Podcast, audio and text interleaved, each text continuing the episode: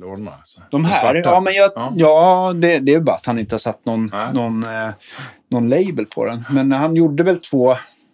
Det är ganska skönt att ha dem. Det är väldigt få som köper 412 idag. Men det är rätt skönt att ha som referens. Just Så det. det är en som är laddad med Vintage 30 och en som är 20 watts greenback. Så de låter helt olika, fast bra på olika sätt. Just det. Så det är rätt skönt när Det är folk en ska snygg, prova att eh, toppa. snygg vibe på den svarta. Den är Du väldigt- gillar det? Ja. Ja. men det är väldigt liksom så här, Det finns någon Fender-känsla över den, fast ändå inte. Liksom. Ja, precis. Men den är liksom lite nättare än en Marshall-låda. Mm. Marshall-lådan har ju så himla bred alltså kant fram över Just det. baffen. Och den här är ju ganska tunn då, så att jag tycker att det också är Jag snyggt. tänkte mer så här finishen, blackface-look på något sätt. Eller lite hur? grann. Alltså. Det är ju snyggt. Den här blir också, det är lite så här mittemellan, lite beigare tyg tror Ja. jag på min 212. Men den här 212, jag håller i och för sig på att prova massa element i den också. Nu sitter det någon Eminence, Alnico, Alessandro och någon eh, V-Type Celestion. Men Mm. eh, jag gillar de där som är på golvet, de här Creamback 65 Mm. De är trevliga. Och där är det två 16 ohmare som, som låter bra. Det skulle ju passa till din Mm. Deluxe. Problemet är då hade du inte kunnat kört den som en 12 istället. Då hade du ju alltid behövt extra lådan för att det skulle Ja, bli, precis. eftersom du inte kan växla. Nej, Men, ehm, jag får klura vidare på det där. Alltså. Jag har högtalarna i varje fall. Eller hur? Ja. Ja, men det är kul. Ja, men högtalare är fan halva soundet. Ja. Och sen så framförallt som du säger, du som har spelat, rockat på dina så otroligt Tackar. många år. Så eh, de spelas ju verkligen in och mjuknar, ju- mjuknar upp. Alltså. Ja, jag tycker det, är en grym skillnad Ja. faktiskt. Alltså. Det måste jag säga jämfört med starten. Liksom. Ja. De var mycket hårdare i början. Och sen har de, med de gått och vi spelat så länge på de här Lundell-turnéerna. De Ja. har ju verkligen gått i många timmar. Ja, just det. Men hur, hur eh, är det skönt? För du kör alltid två stycken. Är det, är det så att det, du har valt att göra det ifall någon lä, eh, lägger ner på gig? Eller är det... Ja, alltså dels det ifall det lägger ner, men framförallt var det när det har varit lite större scener och en L12 för att sprida ljudet. Ja. Liksom. Så jag körde ju aldrig stereo, utan det är mer bara liksom för att få ut klangen så att det breddas på scenen. Precis. För det blir, det blir ju... Eh, eh, till skillnad från att ha två stycken högtalarlådor till samma stärk så får du inte, du får inte upp effekten eller, Mm. Nej. eller Nej. ljudtrycket. För Nej. att Vatten- effekten sprids ut på högtalaren. Men Ja. det blir ju verkligen 60 decibel extra med en, med en till eh, förstärkare. Jag upplever att det breddas i ljudet Det blir mycket större. Ja. Alltså, ja. det, Och- blir, och- inte- det blir inte riktigt samma sound utan det låter fylligare och det låter mer. fylligare, precis. Och det är det jag varit lite ute efter just när man spelat mycket och det har varit hög volym och så. Men, eh, bandet har ju förändrats genom åren så att idag skulle jag egentligen kunna klara mig på en. Alltså, Eh, soundmässigt. Men, men hur, länge, hur länge har du varit med Lundell? Sen 2002, sommaren. 20 år. 20 år. Alla turnéplattor. Ja. Grymt Sen alltså. Ja. Ja. Ulf kontaktade mig sommaren 2002. Ja.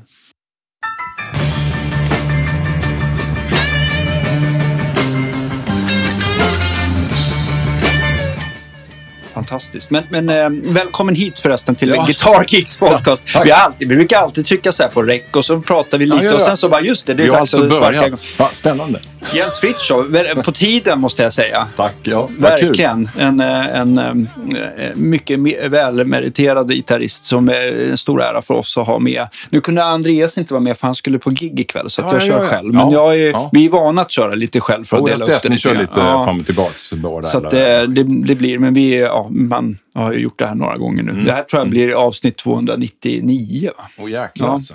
299 veckor i sträck Ja. varje torsdag.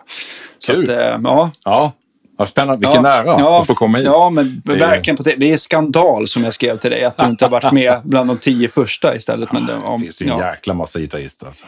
verkligen, det tar aldrig slut. Alltså. Nej, jag vet. Det är Man tänk- häftigt. Ja. Och kolla och lyssna. Ja. Och så mycket olika soundidéer och utrustning. Och, alltså, det är superintressant tycker jag. Alltså. Ja, man, man lär sig alltid något och det är väldigt roligt att höra framförallt om folks, eh, alltså folk som man eh, känner och inte känner om deras karriärer och hur de liksom trillar in på det här eh, vägvalet överhuvudtaget. Så här. Det är alltid intressant. Eh, Men om man liksom backar bandet till dig, liksom, när fick du för att du skulle ta upp gitarren?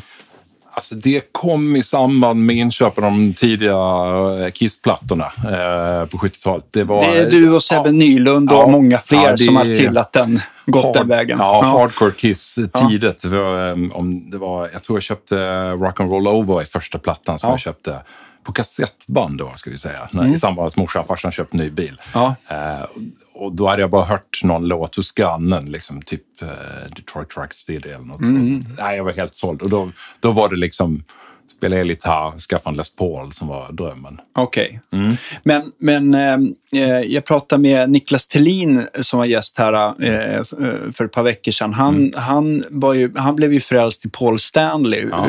Blev det Ace för dig eller var det... Ace i form av, skulle jag vilja säga, just man var så intresserad av att lära sig spela gitarr. Ja, just det. Ja. Men Paul Stanley är väl nog en som många håller nära, för han, han hade en enorm utstrålning. Han var verkligen liksom, han var som en rockstjärna för ja, den, på den tiden. Så att det, det pendlade mellan Ace och Paul, vem man skulle vara. Okej, okej. Okay, okay. ja. Men var det så, vilket, hur gammal var du här då? När... Ja, det, nu ska vi se, vi är ju i slutet av 70-talet. Jag är inte många år gammal. Det är ju liksom, nu snackar man ju sju, åtta bast mm. däromkring. Och är intresserad av uh, att börja spela. Uh, farsan hade gura hemma så jag satt ju hemma och, och försökte själv att lära mig. Och hade en släkting som hade gitarr och han hade studio inne i Ystad. Så kunde vi sitta där och spela in, jag och hans oh, söner då, som ja. mina kusiner. Så vi hade några band tidigt. Ja. Men sen när det verkligen tog fart, det var ju först på högstadiet när jag okay. verkligen började öva. Var det liksom att du träffade någon likasinnad då, eller hur? Ja, det var faktiskt att jag fick tag i en gitarrlärare. Aha, det var, men det är bra. Det var kö på eh, platserna i Ystad, det fanns nästan inga, så då fick jag tag i en och, då blev jag så jäkla inspirerad och då började jag öva väldigt mycket. Alltså. Grymt ju. Ja. ja. Så uppvuxen i Ystad säger du. Mm. Men, och hade du syskon som också musicerade eller var det liksom ja. ensam? Eh, Nej då, syrran eh, började spela gitarr också så det var skitbra. Då kunde hon kompa när jag var solo. Så ja, var, perfekt. Så, det, så hon blev lite ja, Hade hon suttit med ja. så hade hon suckat och sagt att exakt så var det. Ja. spelar hon idag någonting? Ja, hon spelar ja. Hon har gitarr också. Ja. Coolt, ja. Mm.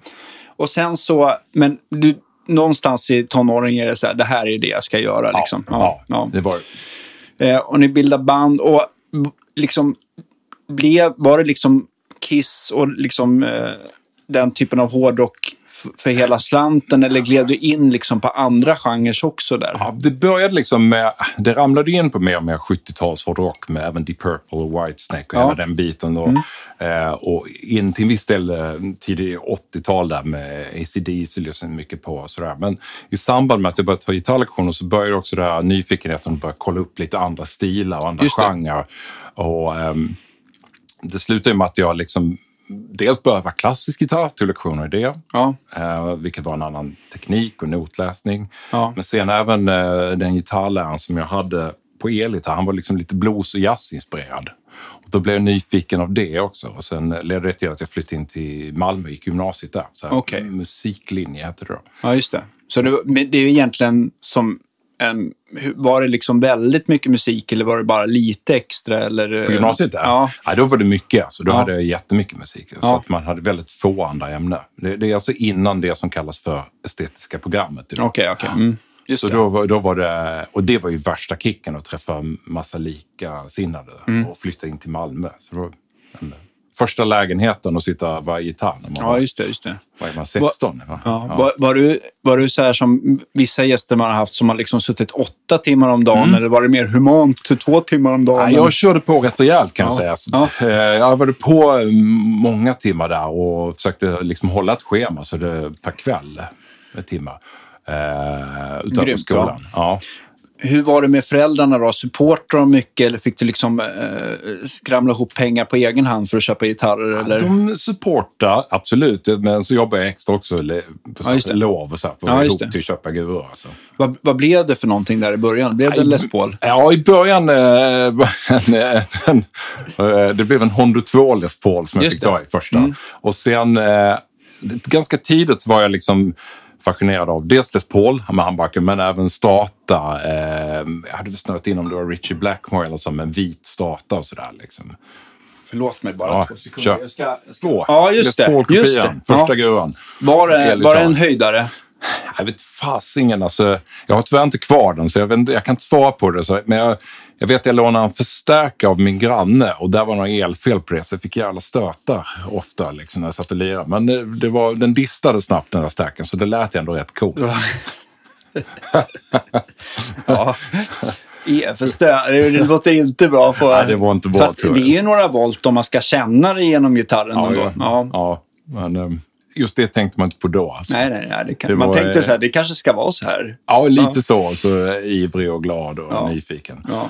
Ehm, och sen blev det även en statakopia. Okej. Jag tror det var en Applause, en vit Olympic White. Mm. Det var nog lite Richard Blackmore-influerat eller något sånt man hade kollat. Eller, Ehm, så jag pendlade tidigt mellan eh, Les Paul och Stata. Okej. För jag har ju alltid sett dig mer som en strata-kille Mm. än Les Paul. Ja. Att du alltid varit lite så på jakt efter, Ja, eller i absolut. alla fall haft det här Ja. intresset efter Ja. bra strater hela Ja, tiden. ja men det har jag, jag har jag alltid haft. Det, det lugnade sig för ett antal år sedan, för jag lyckades hitta en riktigt bra Strata. Så att, eh, idag är det inte lika eh, på jakt, men jag tycker fortfarande det är lika kul att kolla Strata. Så Ja, jag fattar. Men Mm. får man fråga vad, vad hittar du för någonting? Jag hittade en 62 Strata eh, som jag köpte. eh, The real deal helt ja, enkelt. en riktigt bra Strata. Omlackad dock, men klingar fantastiskt bra. Ja. alltså. Var 62, då är Ja. det fortfarande slabboard kanske? Nej. Eller är Nej, det är första veneer? Ja, en sen 62 är nästan på gränsen till 63, så då är Okej. det Och då är det slab. lite biffigare hals också Ja, kanske? det är skitskön hals. Jätteskön att spela på. Skiljer det mycket i tjocklek mellan första och, och tolfte bandet? Eller, det- för att de kan ju vara lite koniska de där, att det Ja, händer just ganska det. mycket. Eller Ja. är den mer Nej, jämntjock? jag tycker den är ganska jämntjock faktiskt. Skön att spela på. Väldigt skön alltså.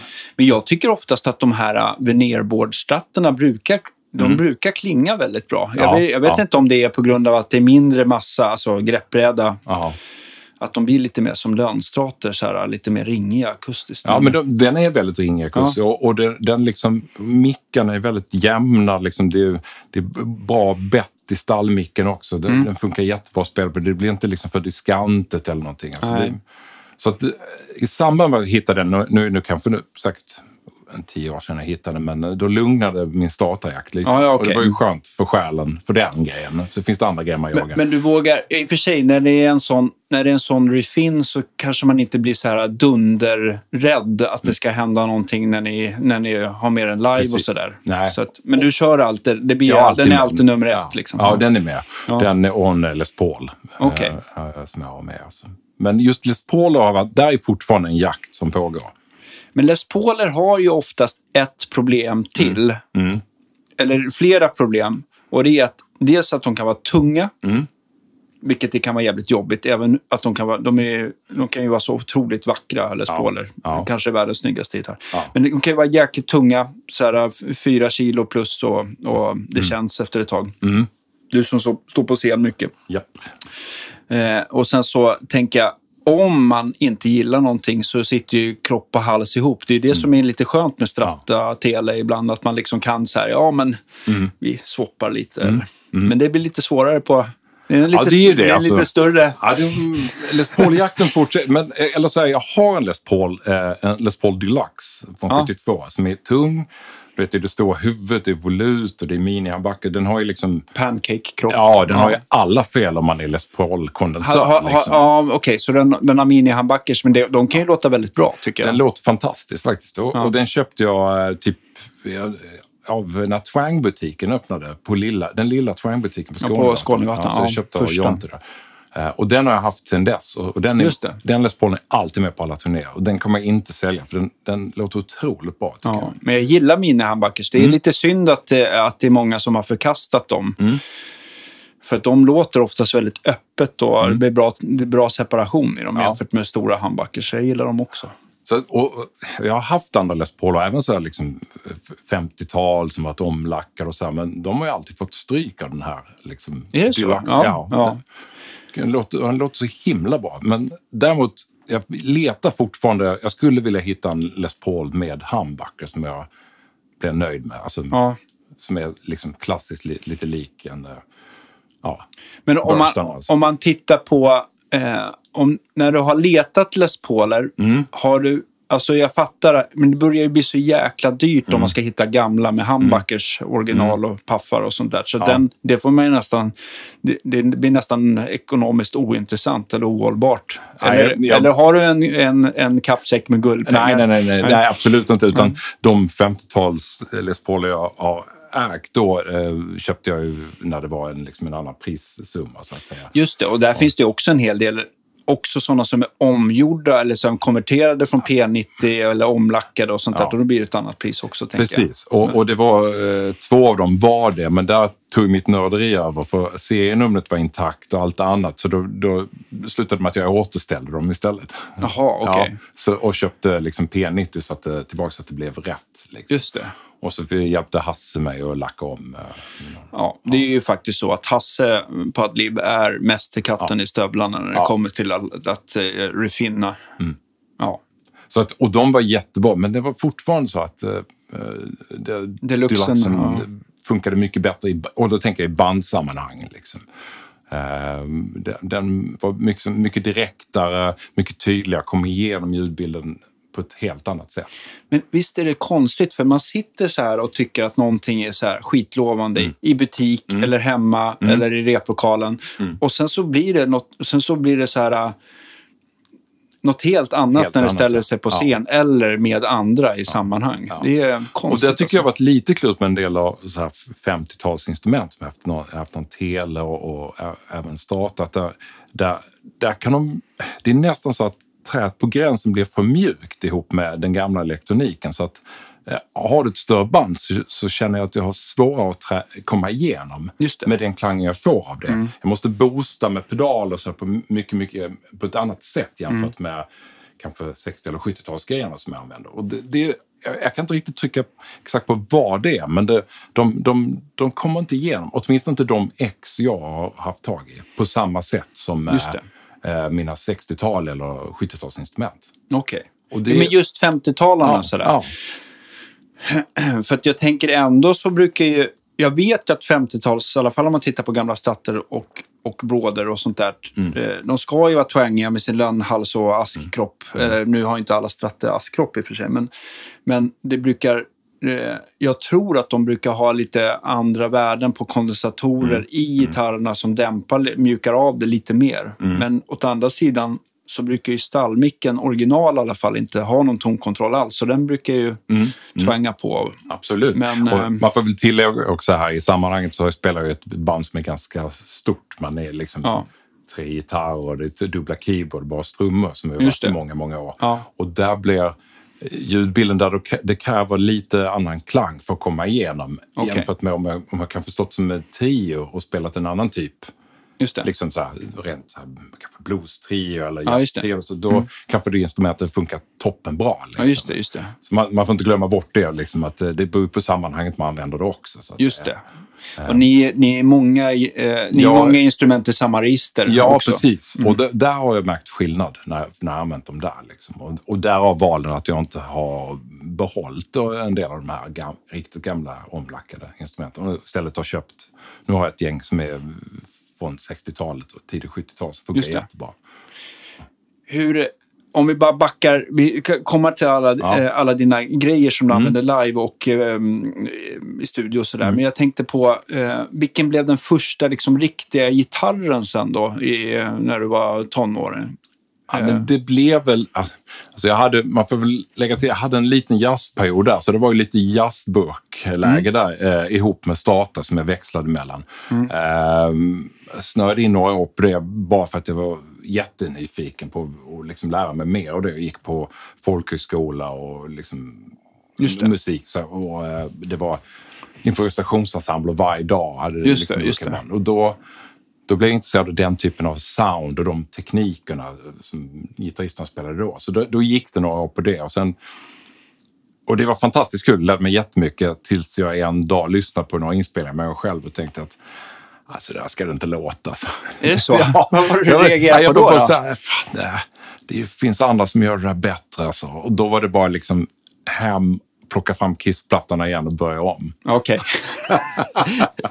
Men vilka, vilken, alltså jazz är ju ett ganska, eh, alltså det är ju ganska brett, tänker jag. Så var det någon speciell gitarrist eller Absolut. stil som, som, som du blev mer intresserad Ja, av? dels lyssnar jag jättemycket på Pat Metheny och John Schofield. Eh, Ja. John Schofield lyssnar jag fortfarande på. Tycker han spelar helt fantastiskt bra. Brukar gå och kolla Verkligen. så ofta det går. Eh, hade en del så här tidigare som West Montgomery och, och den stilen. Och de hade ju West Montgomery framförallt med sin liksom, stora liksom, Gibson-bok i en super reverb hade ju otroligt fint gitarrljud. Och sitt liksom. oktavspel, Ja. eller blanda ihop det nu? Nej, Ja, nej, exakt. precis. exakt. Och spela med tumme. Ja. Skitfint alltså. Men det var ju liksom annan, annan stil, annan teknik, eh, annan, liksom, inte alls det här vibratot eller med bändet på strängarna. Men det var otroligt kul att spela under, Just under det. några år. Och ja, Men, men på gymnasiet så, det hade jazz... Då började jazzen. Ja, precis. Ja, Okej. så, och, Och, men, och lite rocken parallellt ja, sådär, precis, alltid. Ja. Precis. Så det, rockbanden höll jag igång, men jazzen tog över mer och mer. Och sen blev det folkhögskola och verkligen snöa in på jazzen. Okej, okej. Vad hamnade du då på nå- någonstans? Skurups folkhögskola som Ja, är i. Skåne. Mm. Ja, just det, och då har jag deras så jazzimprovisationslinje. Okej, okej. Och Musiklinje, tror jag. Hur många år blev du där? Två år. Två år, Ja. okej. Och sen ut i musiklivet, eller? Ja, vi var ett gäng som flyttade till Stockholm. Jag lärde känna ett gäng som gick på samtidigt på Fridhems folkhögskola. Ja. Så, att, så vi var ett rätt stort gäng som flyttade upp till Stockholm. Och så startade vi lite band ihop och, och Mm. började spela på lite små krogar. Så en del av dem har jag kontakt med fortfarande. Just det det. gänget som flyttade upp. Nice. Ja, skitkul. Men det var då också i den vändan som jag eh, hörde lite inspelad med mig själv. Som bara, ah, nu är det, Nu är det dags att bara ah, nu välja rocken. att ja. tänka till här. Alltså. ja, jag fattar. Men jag gillar verkligen jazzmusik fortfarande. Tycker det är skitkul att gå och lyssna på. Och konserter med Scofield som jag nämnde. Men Mm, just det. jag tycker mitt gitarrspel passade sig inte lika bra. Det passar bättre med rock, blues. Ja, genre. ja, men Man hittar sina vägar. ja, man hittar sina vägar Ja, och sånt ja. där också. Ja. Jag tror att det var lite samma sak för mig och hårdrocken och sånt Ja. Mm. där. Jag tror att det, för att jag tycker liksom om man jämför rock'n'roll och blues och hårdrock så är det liksom, det är, alltså på bluesen och rock'n'rollen Mm. har ju liksom sina liksom lite klara grunder som är kanske lite, det händer väl inte så mycket där, men man kan spela ganska fritt över dem.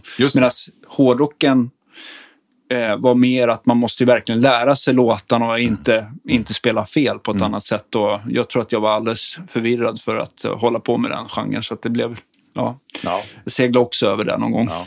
Men jag, jag tror liksom det är bra att man går igenom, att titt, lyssnar, man liksom testar de här olika genrerna. Så här, för det, det är en del av processen att hitta sin liksom, identitet. För man, ja, men, det här känns ju mest rätt för mig att spela. Det här Just är det. min, mitt sound, min identitet. Alltså. Just det. Eh, eh, Och en- en del behöver ju gå igenom det. En del är ju tydliga från början och hålla det stenhårt hela vägen. Men eh, för min del var det bara att gå igenom och så bara testa. Så, ja, just det, det låter så. Det, låter, ja, men det här är nog min väg. Liksom. Vil- vilka lärare hade du på Folkis? På någon... folkhögskolan i Skurup var det en herre som heter Mulle Holmqvist Okej. som är gitarrist. Som, eh, jag- han, han jobbar inte kvar på skolan, men han bor här i Stockholm idag. Så jag springer på honom ibland, tar en Ja. fika. Ja. Han spelar lite i alla fall. Han spelar lite grann Ja. absolut. Ja. Grymt. Och han var, det var väldigt så här jazz... Eh, Han var väldigt, han var väldigt vad ska man säga, liksom visionär. Mycket idéer, liksom, tankar kring musik överhuvudtaget. Mm. Gitarrlektioner med, med Mulle var ju mycket att man satt och pratade också om eh, Just det. hur kan man, vilket sätt man kan liksom eh, få fram sin, sin här, musikaliska identitet på något sätt. Just det, just det. Ja. Och det var su- superlärorikt tycker jag. Så det var inte så mycket så här, här har du liksom, gör den här teknikövningen till nästa vecka eller sånt. Tvärtom. Snarare, man fick ett kompendium, det här kan du kolla på om du vill. Sen pratar man mer om men jag tror att det kan vara bra också. Ja, det är skitbra. Ja. Ibland behöver man reflektera så det inte bara blir liksom... Du vet att man kör på, det blir som ett hantverk där man ska bara nöta hela tiden. Just det, just det. Men hade du någon, som, någon typ så här eh, Ibanez eh, 335-variant eller någon GB10? Eller vad, vad precis. hade du Eh, för... George Benson Ja. Mm. köpte jag. Ja. Eh, en sån här, ja, typ... Ja, den var bägge, så det borde varit en tidig 80-tal. tror Just jag. det. Så Den kom väl där 79-80. Man kan ju ibland se, de flesta har ju sådana Krafton-dekal på baksidan, så brukar Mm. Mm. det ju stå år och månad de kommer in till Sverige också. Så att kan man ju... precis. ja, datera dem lite grann. Dessvärre har jag inte kvar den i heller. Så Nej, det, det, Den fick gå när det Ja. bara blev rock sen. ja. sen när det rullade in i allt det här gitarrtradandet och så här som man kom in i, när jag flyttade upp. Ja, herregud vad man har tradat gitarrer. Men det är kul. Ja, det är ju Det är skitskoj. roligt. var- alltså, det är roligt. Jag tänker också så här, det, det blir ju roligt att spela igen när man får en ny gitarr i handen som man gillar. Mm, Det är inte lika kul när det- man inte gillar den såklart. Men, Nej. nej, men när man gillar ett instrument då, då, då, då ökar ju övningstimmarna på något Mm. sätt. Jag ser det lite också som en del av det här jakten på identitet, alltså musikaliska identiteten. Att man får äga lite olika instrument med Mm. Just olika det. mickar och så här. Och lyssna, lyssna, hur blev mitt gitarrspel med den här gitarren Just och de det. här mickarna och den förstärkaren? Och så, Okej, ja, men det passade bättre och det passade mindre bättre. Och så, man måste testa det ett tag. Liksom. Var, var du redan då så här förtjust i eh, så här Fender Blackface? Alltså, Mm. Ja, en av mina äh, vad heter det, mm, då, klasskamrater, eller vad det kallas, på Folkis var Ja. jätteinsnöad på vintage-grejer. Alltså. Okej. Ja, och jag hade ingen koll när jag började folkhögskola på det, men han var väldigt intresserad av det. Och han, han hade med sig den här Tube Amp Book. eh, Just det. Mm. Ja, den har jag bläddrat i någon gång Så då började man bläddra på det. Och då var det ju så att man kunde åka runt ute. Vi åkte till Malmö och till Hör, till musikaffären. Och kunde man, man kunde hitta gamla stärkare liksom, hyfsat okej priser. just det. Det, det, var ingen som ville, det var ingen som ville ha dem Nej, under perioder. nej, liksom. Nej, det kostar ingenting nästan. Nej.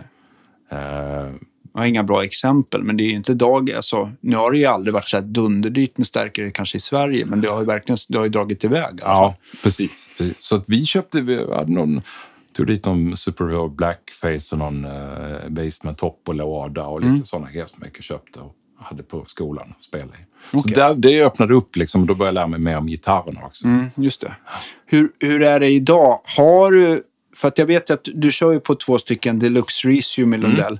Men har du, har du, har du liksom någon vintageförstärkare för inspelning som du gärna använder? Eller? Nej, jag har faktiskt sålt av dem jag hade. Eh, det bara blev så liksom att... Alltså förstärkare tar ju mycket plats att ställa på lager. Och till, till slut så kände jag att...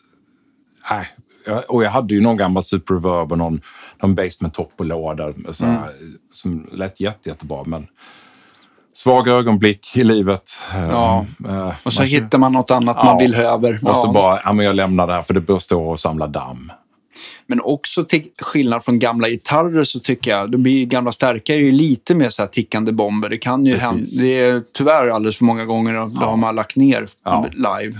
Och det var väl också en grej som skedde ju ibland, alltså, som gjorde att man kanske inte riktigt så här tänkte att jag behåller de stärkarna, utan det, då hade de lagt ner på något gig eller det var strul där. Ja. Så, så att jag, jag har mer prioriterat att behålla och köpa äldre gitarrer. Ja. Eller hur? Eller hur?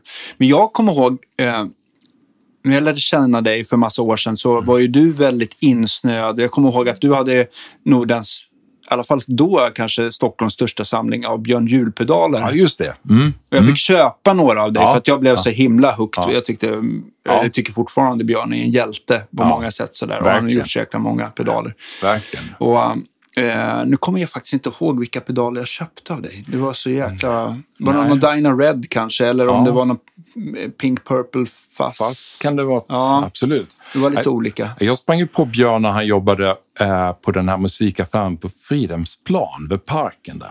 Just det, och det hette så mycket som Tårds instrumentverkstad. Exakt, och han Ja. sitt, satt väl där och, jobbade i verkstaden. Och jag hade fått tips eller hört talas om det, så då gick jag in och pratade med han där. Och Mm. då fick jag köpa något, en tidig Baby Blue och en Diner Red, om jag minns Just det. rätt. Och de hade jag i mängder av år. Och, eh, och sen köpte jag på massa olika band, de Ja. riktigt tidiga, och turnerade med och använde. Eh, och jag tycker fortfarande de är otroligt bra, men jag, jag turnerar inte med dem längre på det sättet. Just det. Eh, de levde ju också sitt eget liv, en del av de här eh, tidigare, beroende på vilken strömtillförsel det var. Aha, så här, de var lite uppe- känsliga. De var känsliga beroende på vad man eh, spelar. Till exempel om man eh, kanske var i Norge, där på vissa ställen ute eh, med lite lägre strömstyrka. Så bara så här, man kände inte riktigt igen ljudet. Och så Mm. eh, också att tillägga att sen de började med Professor Combos, vad heter det amerikanska? Det heter Barefoot. Barefoot. Men sen slutligen det japanska som gjorde de här små Eh, One Control. One Control, tack. Ja, just det. Bra, Ja. du har koll på allt det här. De Ja, men jag fick ju One- kaffe här precis. Ja, ja. Men just One Control tycker jag låter ju väldigt bra, många av eh, de här exen som har, har dykt upp där. Alltså. Men verkligen. Jag tycker de... de ehm, och jag tycker också att så här bevis på... Nu, nu tänker jag mest på...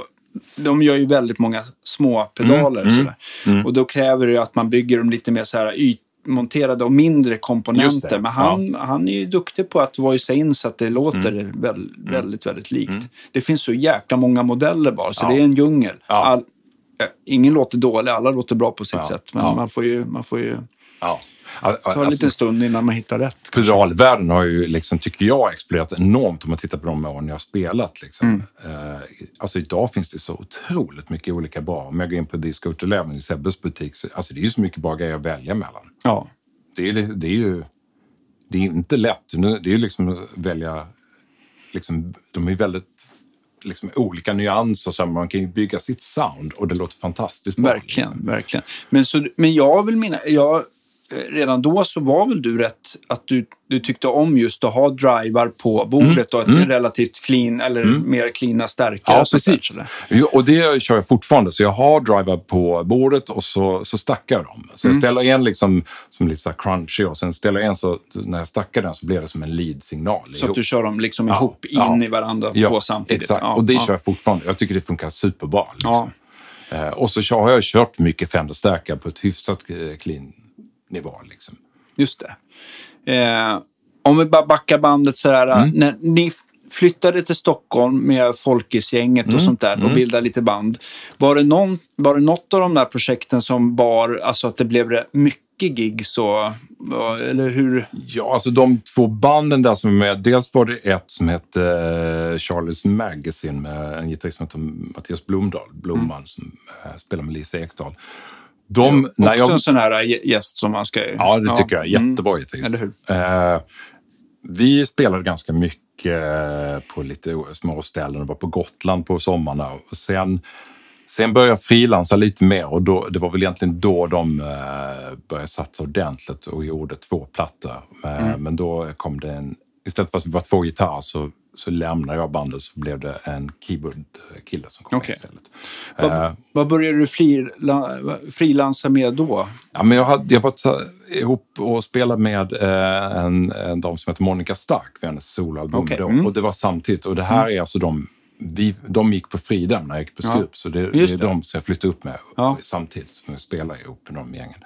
Så då tog det över och det blev lite gig med det och så det ledde till lite andra liksom, olika typer av gig som jag kunde ha med andra artister. För man lärde känna folk från skivbolag och bokningsbolag. Ja, just det. Just det.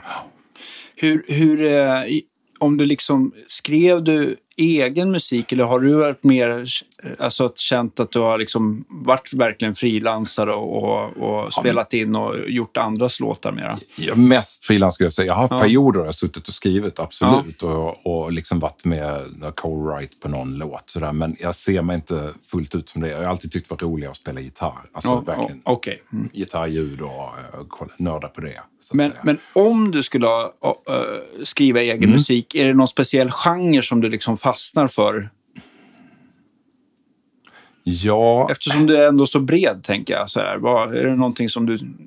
om man skulle... En, en drömvärld... ja, Jag, jag tror det skulle låta mer åt något amerikanhåll, liksom så här Tom Petty och Heartbreakers eller Mm. alltså den vägen faktiskt. Det är bra. Ja, det är Ja, skitbra, skitbra musik. Ehm, och tänker man då, hur fick han ihop det där? Han snackade Kiss först och sen jazz. Men det var väl liksom... Det möts väl där på mitten? Ja, någonstans. det var väl det antagligen. Nej, men det är, men det är ju Tom Petty asbra. Så det är ingen, ingen och, konstigt och där alls. kom också in på en, en eh, gitarrhjälte som jag liksom började lyssna mycket på i samband med de här banden vi startade. Det var ju Mike Campbell faktiskt. Hans sätt att spela, hans sätt att arrangera låtar, hur han, och vilka sound han använder. Som, Otroligt bra. Fantastiskt. Någon favoritplatta? Allihop ska jag väl på för säga. Alltså, Och han stod ju faktiskt också med en Deluxe Les Paul på Live Aid-galan Just det. med 70-talare. Och det låter helt drömbra när de spelar... Eh, Han körde väl en tre, fyra låtar? ja, precis. Ja. Otroligt bra sound. Och sen har du, alltså man kan kolla massa olika liveklipp med Heartbreakers och de använder massa olika typer av gitarr och det låter fantastiskt bra. Alltså. Och Tom han körde väl nästan uteslutande Rickenbacker. Vad körde... Ja, ja ibland, precis. Och ibland, med vissa Jag vet att någon turné då öppnade de med två Firebirds. Skitsnyggt 60-tal. Sen Tom har ju stått med någon gammal Strata, vet han har stått och mm. spelat mm. också. Uh, och ja, Mike Campbell har ju kört, han har ju sin gamla Tele, eller det är en bråda är det väl till och med. Mm. Uh, och sen har jag sett dem med 335 och, och nu innan uh, Pet gick bort så satt han med Les Paul. Vi fick ju, köpte ju någon Just det. sån här Burst, riktigt dyr historia tror jag skitbra sound. Alltså ja, det spelar liksom ingen roll vad han har för Ja, det sitter mycket det. i fingrarna ja. också. Sådär, hur han, är, han är så otroligt bra på att arrangera gitarrspelet mm. också. Så det, tänk, det ja. är faktiskt... Det är faktiskt nästan det är roligt när man upptäcker hos mm. vissa gitarrister hur ja. smakfullt det blir. Alltså, det, blir verkligen, det blir verkligen som en konstnär. Som, ja. Jag tycker eh, en favoritgitarrist här i stan som mm. är väldigt bra på att måla upp sådana här, som är konstnär, är Gunnar. Mm. Mm. Absolut. Vår vän Gunnar Lidström, han är en riktig ja. konstnär också. Gunnar spelar fantastiskt. Det är, han är alltid grym, lika kul att gå Det finns ju så jäkla många bra gitarrister. Ja. Men eh, vi ska försöka locka ner eh, mannen med hatten här någon gång så vi får intervjua honom också. Ja, visst. Nummer 300 i nästa vecka. Ja, eller hur. Lite, han är lite svår. Ja, nej, jag får tjata på honom. Ja. Men, men eh, sen så, jag tänker så här, du frilansar mm. och eh, plötsligt eh, 2002 antar jag, så, mm. så hör eh, Lundell av sig. Mm. Hur, gick mm. det, hur gick det där racet till? Såg han dig live eller fick han tips? Eller? Ja, han fick tips eh, genom min kompis eh, Marcus Olsson som spelar keyboard i bandet. Okay. Mm. Eh, och sen gick han väl och klurade på det och kontaktade mig under sommaren när de mm. var ute på turné där. Så, så då kom jag med. Eh, första turnén jag gjorde var den som heter Club Zebra hösten 2002. Okej. Okay.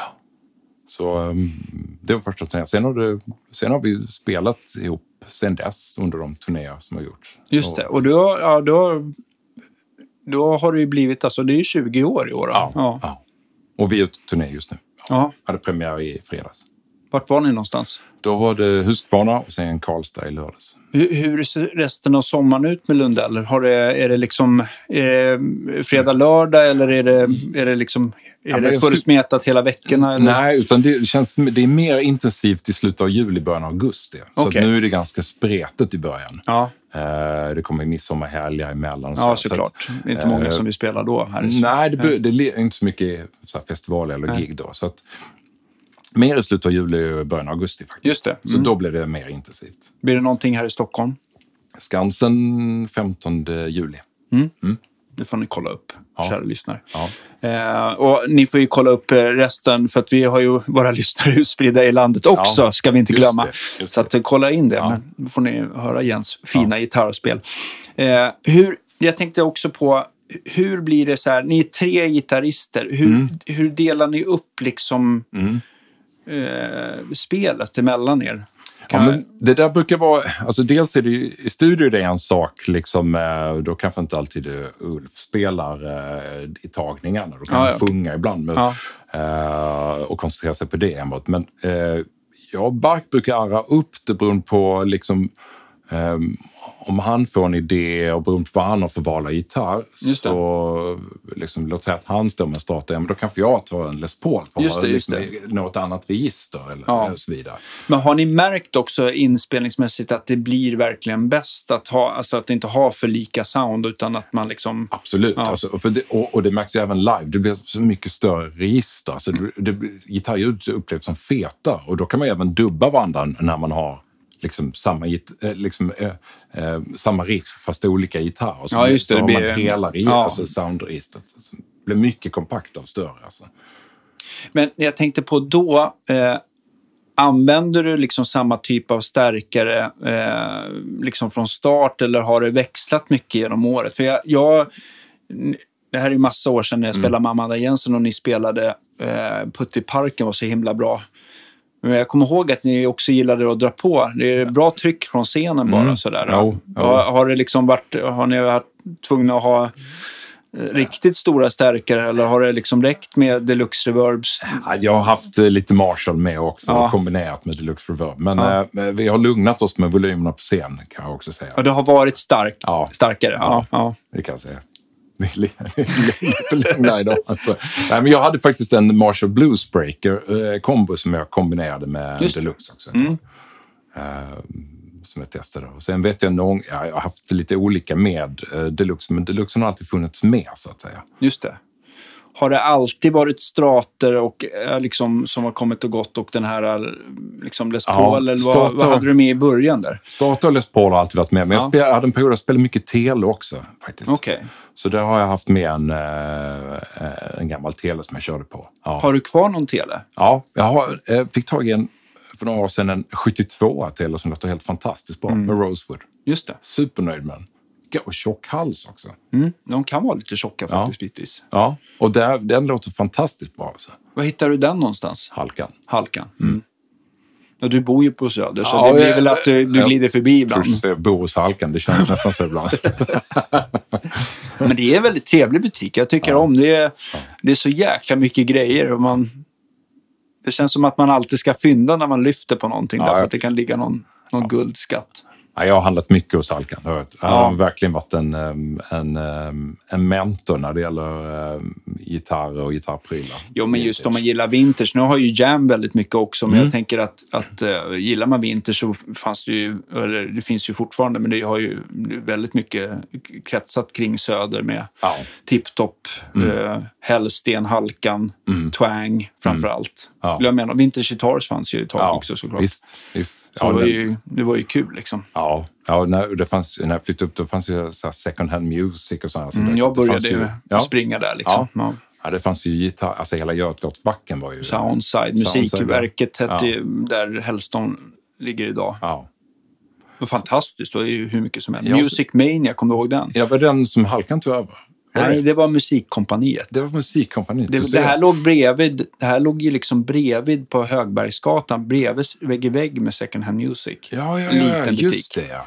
Just det, det stämmer. Som hade Ja. dyra syntar och gitarrer. Mm. Jag vet inte hur många år de höll igång sådär, men det var... De försökte väl vara lite butiker. Det var ju ganska trashigt på, Mm. på även om det fanns balla gitarrer där också ibland, men det var ju liksom en annan Mm. Medelprislapp på, Precis. på Second Hand Music. Det Ja. var ju lite Ja, billigare. Verkligen.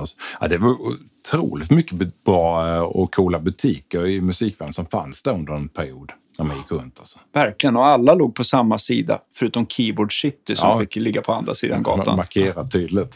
Fel instrument. Ja, eller hur? Nej, men det var jäkligt kul tycker jag. Eh, Så där springde, ma- sprang man en hel Ja. del, helt klart, och ner till Estrad och sådär. Visst jobbade du på Vintage ett tag också? Ja, jag jobbade eh, två år tror jag. Jag började alltså på Second Hand Music och springa tillsammans med Harry Vi- Virtanen som har, han har ju, jobbar ju, har ju musikaffär i, eh, i Rotebro nu. Heter det Musiklagret kanske? Ah, okej. Han körde ju Second Hand Music själv sen när Thomas gick bort då, eh, efter Jam Söder där. Sen, eh, sprang, sen så var jag nere hos Björn på Tipptopp.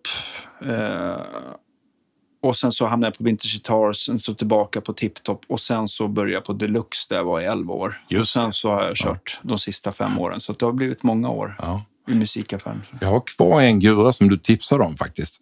När så? du jobbade på Vintage Guitars så, så jag gick på Götgatan, så jag tror det stod i entrén och sa kom in, du måste testa den här guran. Så, Ja. och så var det en gammal Jazzmaster, Är det så? ja. en 61 som jag köpte av dig då. Är det så? Ja, men den är kvar. vanlig burst, eller? Ja. ja. Den låter Kul. fantastiskt bra. Den har jag haft med otroligt bra att spela in med.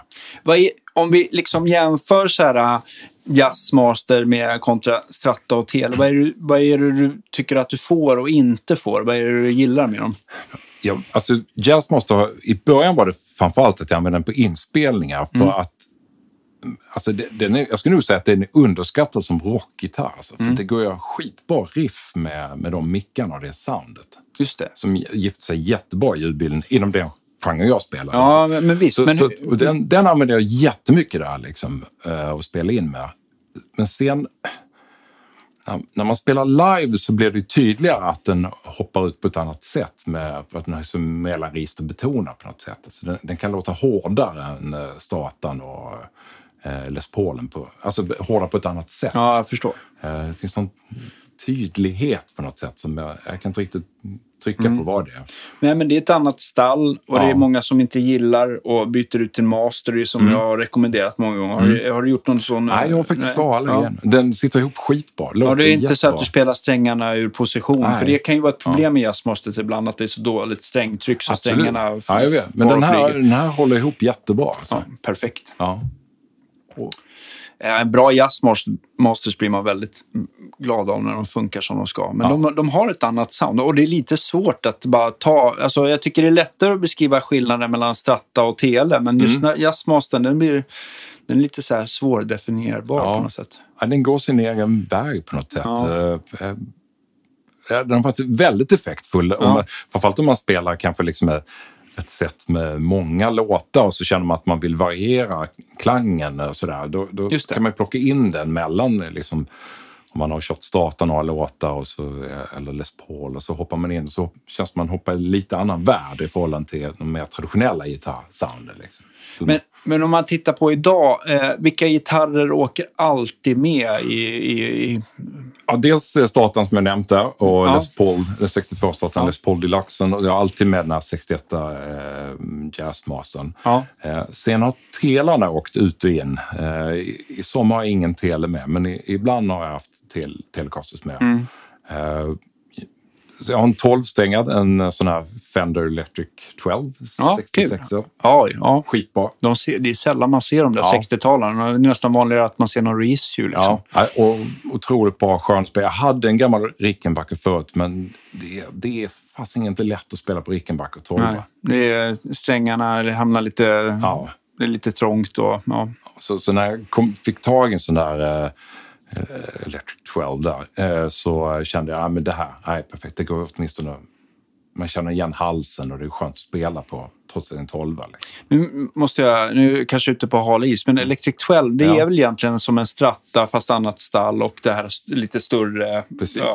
Mickarna ser ju lite speciella ut. Just det, de är lite som P-basmickar, eller Mustang-mickar, ja, att de exakt. hamnar lite så offset. Ja, och de är väl lite kopplade som humbucker som har väl också ett litet eget sound. Eget sound. Så, så finns det ju någon slags filtersvep på den. Liksom. Eh, den, nej, den låter väldigt bra. Eh, vad ska man säga? Jo, eh, vad heter det?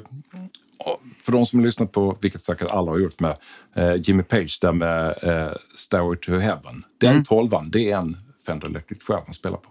Aha, okej. Okay. Så när han plockar upp kompeten på 12, hel 12, så är den sån. Det är soundet det är ett sound kroppen minns, som ja. Björn skulle ha sagt. Hem, ja, mm. hem och lyssna. Eller ja, men den, den låten har man ju hört så många gånger, ja, så det, man kommer ihåg det soundet mm. exakt när han drar igång där på... Mm. Um. Så den har varit med ett par turnéer och, och sen har jag faktiskt börjat återgå och spela 335 igen, så det har jag mhm. med. Jag hade en period där jag spelade ganska mycket 335, dels för länge sedan där i samband med att man var jazzinfluerad, men även när man spelar rock. Och sen har det varit några år jag inte använt det, men så sprang jag på faktiskt i höstas i samband med eh, gitarrmässan som kom igång. Ja. Så dök det upp en eh, sen 68, ja. tidig 69 som jag köpte, som är otroligt bra. De kan ju också vara ganska så här smal, tunna mm. i halsen. Hur, hur är ditt ex? Ja, det är faktiskt inte det. Det är ganska jämnt över och skön, alltså skön Ja, för de kan, du vet, de kan vara så ja. himla nätta så, där, så att det, man känner att man inte får något stöd. Men då Nej. har du ju haft väldans flax. Ja, ja. Eh, riktigt. Och det var därför jag högg den när, när den dök upp. Att, det här känns ju perfekt att ha att spela med. Just det. Den var jätteskön hals, bra klang och eh, det är bytt mickar, throwback-mickar på den. Ja. Och det gör det inte sämre kan jag det låter... Har du jämfört den med, med, med gamla sådär? Nej, jag har inte... Jo, faktiskt. Det var så att vid mässan där eh, så dök det upp fyra stycken 60-tals 335 mm. inom loppet av tre dagar hos Halkan. Så okay. det var 266, 67 och, och den här då. Mm. Så då hade jag möjlighet att jämföra, för det satt originalmickar på några. Så det blev riktigt 335-nörderi där ett tag. Ja, jag fattar. Men då sitter det i alla fall patent number-mickare, om det var original i ja, de andra 60-talarna. Ja. Hur, hur, tyckte du att throwbacksen, skilde de sig någonting eller var det liksom spot on? Eller? Nej, jag skulle nog säga att throwbacksen är mer liksom de tidiga. Alltså att den är mer åt uh, paff-tänket. Okay. Alltså, uh, uh, ska man förtona? Alltså jag tycker att throwback låter så himla bra. Jag vet inte vad jag ska säga exakt vad det är, men den har så... Är de köttigare? Eller, nej, de har tydligare och, och, och ett varmare ljud tycker jag. Liksom, medan sena 60-tal, tidig, kanske 70-tal kan vara lite hårda och mer liksom... Eh, stumma? Stumma och mm. över, överstyra på något sätt. Lätt mm, okay. uh, det känns som att jag fått större ljudspektra med throwback. Ja. Sen vet jag... Sen så, Vad säger du som säljare av throwback? Ja, köp. Nej, men nu har det tagits... Ja, nu har jag nog bara något set kvar här, så det är dags att beställa in lite fler. Men uh, de, de går ju väldigt bra. Det, mm. det är nästan det sättet som har... Det är två sätt som går. Mm. Det är dels de SLE 101 som folk frågar efter som mm. låter helt fantastiskt. Om man vill ha liksom lite, jag brukar beställa dem med Alnico 2. Det brukar, man kan ju få mm. dem med Alnico 5 också. Men jag tycker det blir lite för mycket rockmid i mm. dem. Mm. Men deras Alnico 2 låter jättefint tycker jag. Mm. Och de har ju det här att det är så här klirriga bassträngar och mm. med rätt kluck och sen så är det liksom, men de är inte för vassa och hårda Nej. på diskantsträngen utan det är väldigt, det känns som att det är lite som en single coil, att de mm. är väldigt här, balanserade och dynamiska. Så det gillar jag med dem. Men jag, ett sätt som jag gärna säljer på folk är det som heter DT102 och jag tror mm. att det står, det är väl en annan linningsmaskin då. Mm. Och sen så är det väl en oorienterad Alnico 5. Jag vet inte vad det exakt innebär, men jag tror att den är lite försvagad. Då. Mm. Eller det är någonting sådär. Men den låter ju som att man tar det här SLE 101-sättet och så, så bara slänger man i en, ett, äh, inte ett kryddmått, men en matsked mm. Telecaster i Aha. Så det blir ännu liksom, det blir bara lite twangigare. Liksom. Låter som jag ska komma hit med 335 och nörda. det, det, är så, det är så himla kul att, att nörda på sånt där. Men 335 är ju inte, så, det är inte, det är inte den lättaste att bara swappa mickar i lite Nej. snabbt sådär. Så att, eh, ja. Men eh, ja, jag gillar, mm. jag gillar throwbacks. Mm. Det finns många andra bra. Jag har hört många andra tillverkare. Men jag tycker throwbacks är så otroligt bra. och Folk blir så otroligt nöjda. Klart mm. de kostar en slant, men, men eh, jag känner att jag liksom inte har råd att ha alla märken och modeller och sånt där. Utan man, man, man kör på några eh, linjer som, mm. som funkar. Mm. Jag är inte lika förtjust i deras Fender-kloner för att jag tycker okay. att då ska man mm. ha en väldigt, då ska man ha ganska murriga gitarrer för de är brighta som fasiken. Mm. Så att jag tycker inte att de låter riktigt som eh, i alla fall i de gitarrerna jag har provat så tycker jag att de blir lite för... Det blir lite, mm. Gillar man väldigt brighta, öppna mm. eh, Fender Sound så kan det vara rätt. Men jag tycker om när de blir lite... Ja, Lite mjukare? Ja, lite, lite, ja. mjukare. Sådär. Ja. Nej, för mig var... Jag har inte varit liksom sugen på att jaga några gamla liksom, 60-talsmickar för att sätta i. Alltså om man tänker då 68-69-mickar. Ja, jag tycker throwback låter jätte, jättebra. Alltså. Ja, men man känner sig att man har letat klart lite ja, grann. Ja, ja. Ungefär så. Alltså, den spelar jag mycket på i sommar, 335. Så jag har fått mm. lite, lite kick att spela 335 igen. Hur ofta är det sådär att du vet vilka låtar du ska ha, vilken gitarr, eller går du lite mer på feeling? det är lite så, jag kollar lite vad, eh, eller vi snackar igenom liksom vilka gitarrer eh, Bark tänker ha på vissa låtar och, och, så, och lite också hur eh, kanske Ulf vill liksom arra låten och sådär. mm.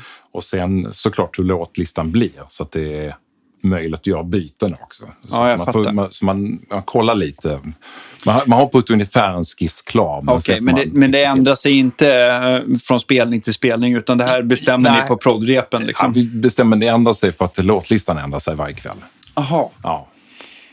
Det har aldrig varit samma låtlista två kvällar i rad. Okej, okay, så det blir lite... Man får, man får ja. mm, tänka till lite grann. Man tänker till lite, gå igenom det med med backline-tekniker och sådär om det är några ställen man måste parera med något annat byte. Har du alltid samma gitarrtekniker med dig eller brukar det variera lite Det har varit lite, olika. Eh, mm. Alltid väldigt bra gitarrtekniker men det har varit ja, lite Det är många som är väldigt bra. Ja. Mm. Så det har varit lite olika genom åren. Eh, mm. Otroligt lyxigt och... Men hinner han med eh, er alla tre eller, eller måste ni ha nästan en på varje Nej, post? Utan det är jag och Surjo, basisten, som Ja. har eh, teknikern. Ja. Just det. Så att uh, Ulf och Bark har en på andra sidan. Sköter deras. Hur, hur länge har Surjo varit med? Han, också, han dök upp tidigt också eh, och, och, och spelat, så han har också varit med ett antal år. Liksom. Mm. Men vi har inte gjort alla turnéer tillsammans, men eh, många har vi gjort. Just det. Ja, Just det. En fantastisk basist. ja skitbra. Jätte, jättebra.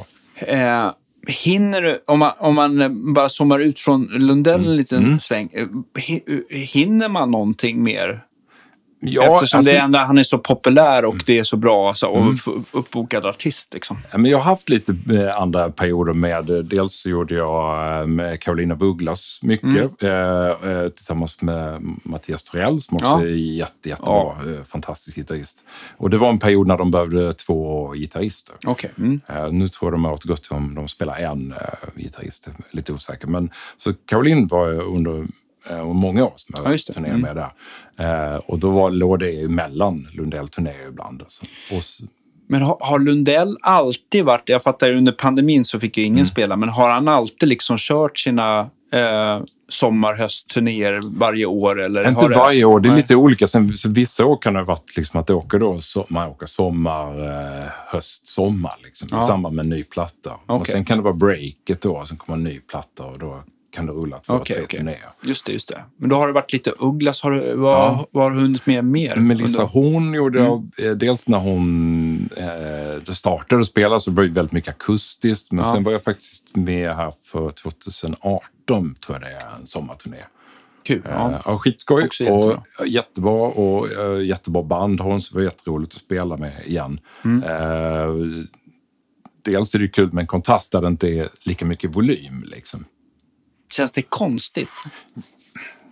Ja, det kan, på ett sätt kan man ju säga det med tanke på att man ja, då hade gjort så många år Lundell. Ja, för jag kommer ihåg, det är ju så här, det är liksom bredbent, alltså, Ja. i, alltså det är inte superhårt så, men det, är liksom, det blir ju som en, Ja, som en, en vägg av gitarrer som, som Mm. slår en. Liksom. Ja, jo, men det... Precis. eh, Man fick, eh, man fick försöka hålla sig styr med Ja. både ja, hur mycket man spelar och volymer såklart. När man spelar så akustiskt som Melissa vill ha det och som har det så luftet också Ja, i just sitt det. sound. Alltså. Men också måste vara kul att få anpassa, Mm. eller så här, göra Ja. något helt annat också, Ja. tänker jag. Ehm, Så det var en rolig kontrast. Men sen har jag gjort... Det har ju varit, jag jobbat på Stadsteatern under många år Mm. ihop med Mattias Torell. Där vi delade på... Det fanns en pjäs som hette eh, Tre musketörerna som var så här eh, 80s hårdrock. Hur var det? Du har också ställt om sig lite ja. grann. Ja, då fixade vi faktiskt eh, så här hem, en Charvel-gitarr. Ja, just det. Jag vet. Ja. Jag kommer ihåg att jag fixade en till Ja, Mattias vi, där. Ja, Ja, vi hade två, varsin blev det. Jag, jag tror Mattias köpte två, så köpte en av han. Och så hade vi eh, hans Marshall, Folkesson ombyggda Marshall. Ja, det, det lät rätt. Ja. Ja. Och sen var det hela det andra, läderbrallor och peruker. Var det, blev, det, blev det mycket shred? Eller fick man liksom vässa Ja, tekniken? Det, det var väl tanken att det skulle vara mycket shred, men Ja. eh, man, man gör så gott man kan. att säga. men det går mörka till en viss del. Alltså. Så, Med lite delay och ja, dist. delay ja. lite så här. Plektum, handen fick jobba mer än vänstran. Men kul också. Men hur, Ja. hur kändes det att göra musikalgrejen också? För det blir ju också något helt annat. skitbra. Just Stadsteaterns där, det var eh, det är Tre musketörerna och en, en annan pjäs som heter Djungelboken. Det var så Ja. otroligt bra eh, det, skådisar med. Och skitbra band också. Så Ja, det det. var jäkligt skådespel. Ja. Och det var rätt levande. Vi spelade ju på cue och från liksom repliker eh, var, eh, vad skådisarna sa på scen. Så man var ju hela tiden på sin vakt. Jaha, okej. Och, och vi stod ju på scen hela tiden också. Ja. Och ombytta. Så man var som en del av showen. Så det var ingen så här, eh, låt säga så här dikesgig där man sitter under scen med no, noter och Utan det, det här, men det här var mer att det här, Ja. det här var, ni, lär, ni lärde er låtarna utan till och, ja, och, så ja. mycket det gick och så Ja. var en del av eh, liksom, föreställningen. Helt enkelt. Hur, hur, många, hur många gigs blev det med per, som du gjorde per föreställning? Så? Ja, alltså det blev en del. För Djungelboken sattes upp tre gånger och Tre musketörerna två gånger Ja, under, det. under sju, åtta år. Ja, att, eh, Mm. Då går de ju en, om jag minns rätt, ett halvår. Sen kanske det var paus något år och så rullar det igen. Ja. Men det blir ju en del föreställningar. När Verkligen. man, spelar med, man kan få spela tre, fyra gånger i veckan. Liksom. Just det. Hur, eh, jag tänkte på eh, med Lundell där. Hur, Mm. hur tätt, sen du hoppade med, har Mm. de här skivorna duggat? Eh, hur tätt har de duggat in så att säga? Vissa år var det, blev det riktigt tätt. För vi gick in, jag vet om det var säger 2004 tror jag, eller 2005. Då gick vi in i studion och jag vet Ulf hade sagt att ja, vi ses och spelar in några låtar så får vi se. Ja. Eh, och då var vi bara bokade eh, en vecka tror jag, eller några Ja. dagar. Det slutade med tre album senare. Det blev liksom ett år i studio. Man bara Va? bokade på flera, flera veckor. Så vi bara fortsatte spela in. Va, va, vart eh, var ni någonstans? På Decibel. Eh, Ja, just det. Vid, ja, vid Ja. Katarinaväg. Ja. Mm. Mm. Så, så kunde det bli där. Så då var det liksom två enkla och en dubbel som gjordes där under det året. Jäklar. Och sen släpptes de ju allt Mm. eftersom. Ja, men men, eh, men hur, såg, hur såg liksom de dagarna? Det var liksom 9 till 5 varje dag? Eller? Ja, och typ liksom Ja. att man ses så... Och så Ulf går ju igenom låten på plats. Det man har innan är ju en akustisk demo som han har skickat. Liksom handmärke och så. Ja. Sen pratar man igenom låten och känner på den. Så ofta vill inte han repa så mycket, utan han vill spela in direkt. Ja. För att fånga nerv och sådär. Just det. Och Mm. när ni har trackat de där skivorna så har, det varit, har ni liksom stått alla in i stora kontrollrummet? Ja. Eller inte kontrollrummet, men i inspelningsrummet? Ja, så man delar upp det, liksom något extra rum. Jag vet jag, om det var så Keyboard hade ett eget rum. om jag minns Mm, okej. rätt, på Decibel och sådär. Har du alltid liksom velat haft samma typ förstärkar, alltså köra deluxe reverb, kanske inte två då, men att du spelar in, att du Mm. Jag spelar haft- in med dem också? Ja, precis. Jag har haft med min deluxe, men sen har jag lite Dagge som varit produ- liksom producent ihop, eh, eller tekniker ihop med Ulf där. Ibland så har han ju valt, kan vi bryta? Och så har man tagit några förstärkarna som står i studion. Okej. Så använder man det bara för att bryta med ett annat sound. Om man ska Ja, göra ett. Mm. pålägg eller liknande. Så det, där, kan man, där är jag ganska flexibel beroende på eh, vad just producent eller om Ulf eller någon annan har någon idé. Vad, kan vi inte testa? Hur låter det om du spelar igenom det där? Mm. Och, och så försöker man skapa något sound som ja men det här låter ju ball till låten.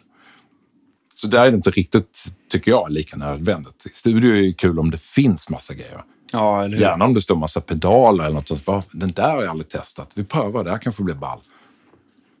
Så, Eller så att jag, då blir det, jag tycker det är kul när det blir den eh, kreativa världen. Så man inte har låst sig på att jag spelar bara så här hela tiden. Just det.